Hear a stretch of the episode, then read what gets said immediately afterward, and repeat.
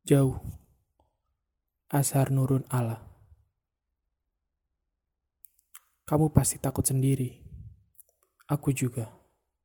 Kemarin, waktu kau bilang kau akan pergi jauh, aku makin takut. Ada semacam perih dalam hati yang membuat mataku dipaksa berair. Pipiku becek. Sayang, air mataku, sederas dan sebanyak apa pun itu ia mengalir. Tampaknya tak punya daya menahanmu untuk tetap di sini. Maka detik itu aku pura-pura tersenyum.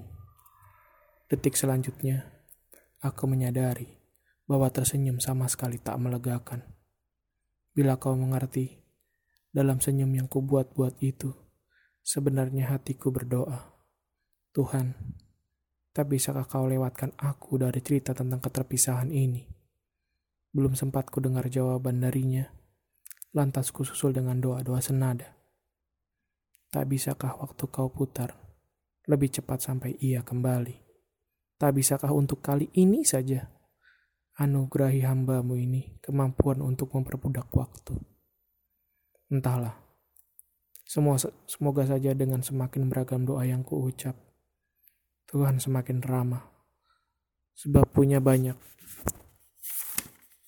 pilihan untuk dikabulkan. Menjauh untuk menjaga kau tahu. Sejujurnya aku benci konsep itu. Terlalu menyedihkan. Seperti perumpamaan klasik tentang matahari yang mencintai bumi dengan jaraknya. Terdengar tegar dan dewasa memang. Tapi tetap saja menyedihkan. Aku mulai mengira.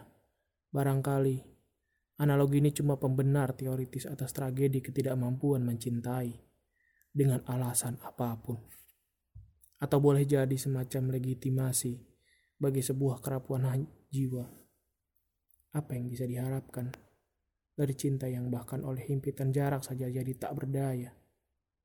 Apa yang bisa dibanggakan dari cinta yang dengan segala macam pembenarannya menyerah pada sebuah keterpisahan, pasrah pada ketidakberdayaan.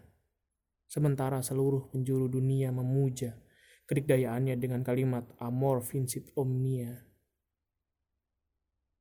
Kalau saja matahari memang mencintai bumi dengan abadinya keberjarakan yang ditakdirkan pada mereka, mestinya telah redam bara yang ia punya, terendam oleh air matanya sendiri, seperti case yang cintanya tak pernah sampai pada Laila.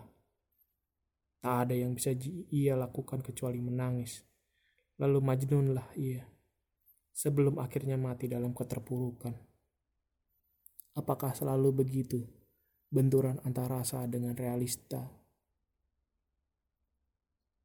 Yang beda rupa selalu mencipta luka, menjauh untuk menjaga. Sampai pada baris tulisanku yang kesekian ini, aku masih belum bisa menerima konsep itu. Seperti konsep rela menunggu untuk kebahagiaan. Lagi-lagi, entahlah.